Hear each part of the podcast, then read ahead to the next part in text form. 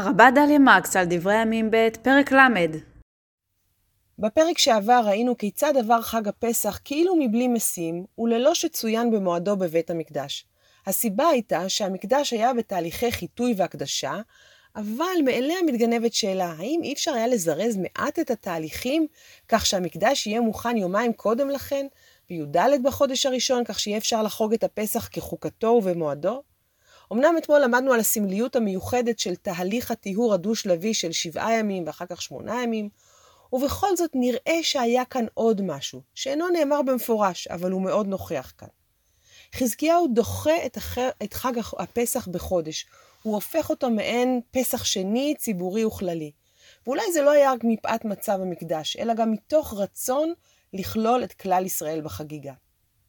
יש הסוברים שלוח השנה של ממלכת ישראל היה שונה מן הלוח ביהודה כבר מאז ראשית ימי פילוג הממלכה. מאז החג שקבע ירבעם בן נבט, החג שבדה מליבו בחמישה עשר לחודש השמיני. לדידם, מה שעשה ירבעם היה פשוט לאחר את חג הסוכות ולקבוע אותו חודש מאוחר יותר, לא להמציא חג חדש. וזאת אולי כי האסיף בצפון, הקר יותר, מתחיל מאוחר יותר מאשר ביהודה, ואולי גם מתוך הבנה שמי ששולט בזמן, מי ששולט בלוח השנה, שולט גם בשיחה.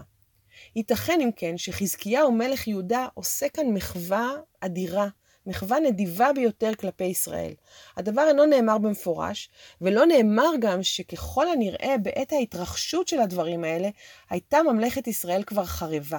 חזקיהו פונה במסר של פיוס אל שארית הפלטה ואומר, בני ישראל שובו לאדוני אלוהי אברהם, יצחק ויעקב, כלומר האבות המשותפים לכולנו, וישוב אל הפלטה הנשארת לכם מכף מלכי אשור. ואיך התקיים הפיוס הזה? על ידי מחווה, והמחווה היא לא מחווה בחלל. אין מדובר כאן בשטחי אדמה.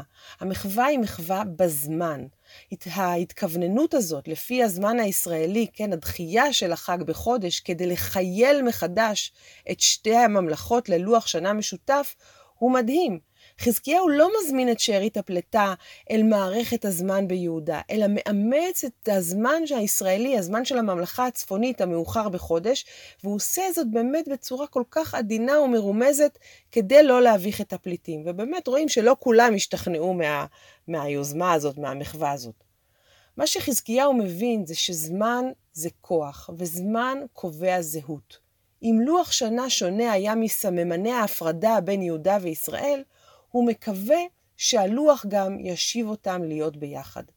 מי שיש להם לוח שנה משותף, חגים משותפים, לא על נקלה יתפרדו. חזקיהו הבין את זאת.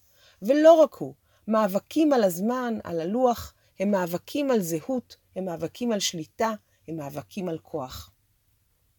גם בימי בית שני התבצרו מאבקים סביב קביעת הזמן. מאבקים בין הפרושים ובין הצדוקים, למשל, על הדוגמה המפורסמת ביותר אולי, ההבנה המדויקת של הציווי עד ממחרת השבת השביעית תספרו 50 יום. מה הכוונה בדיוק ממחרת השבת? גם חז"ל מתארים מאבקי כוח אדירים הכרוכים בהבנת הזמן. דוגמה ידועה היא הודעתו של רבי יהושע בעל כורחו בסמכותו של רבן גמליאל על המועד המיוחד של, אה, המדויק של קידוש החודש, כפי שמביאה המשנה במסכת ראש השנה. אלה גם אלה הבינו שמי ששולט בזמן, שולט בשיחה.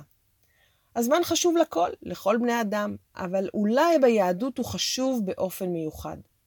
אברהם יהושע השל, מגדולי החוקרים, מגדולי ההוגים היהודים של המאה ה-20, דיבר על כך שהיהדות קידשה את הזמן ובנתה ארמונות בזמן יותר מאשר במרחב. היהודים גורשו ממקומותיהם, מרכזי בתי הכנסת שלהם נהרסו, נחרבו, הם ספגו פגיעות כאלה ואחרות, אבל השבת הייתה תמיד קתדרלה מפוארת שהזמינה אותם לבוא בשעריה מדי שבוע.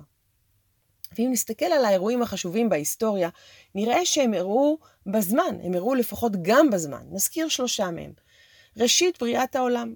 בריאת העולם הייתה מעשה שאירע לא רק בחלל, אלא גם בזמן, ויהי ערב ויהי בוקר. שנית, עם ישראל נולד בזמן. אנחנו קוראים בשמות י"ב, החודש הזה לכם ראש חודשים. עם היציאה ממצרים, עם היציאה מעבדות, מקבלים ישראל את הלוח, מקבלים ישראל את החגים, מקבלים ישראל את הזמן המיוחד שלהם. ושלישית, עם ישראל גם התפצל בזמן. ראינו שלפחות לפי חלק מהחוקרים והפרשנים, ירובעם פיצל את הממלכה הצפונית לא רק על ידי כינון ממלכה חדשה, אלא גם על ידי כינון לוח חדש. ובפרק שלנו ראינו ניסיון של איחוי בין הקבוצות באמצעות הזמן. מאבקים שקשורים בזמן לא צריכים להפתיע אותנו יתר על המידה. הרי אמרנו, מי ששולט בזמן, שולט בשיחה.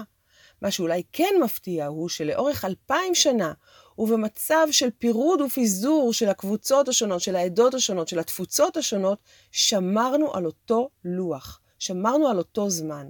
עדות וקבוצות בתוך עם ישראל הוסיפו משלהם ללוח, אבל לוח השנה היהודי הבסיסי משותף לכל, חרף תהפוכות וגלגולים רבים כל כך. ואם זה אינו נס, איני יודעת נס מהו.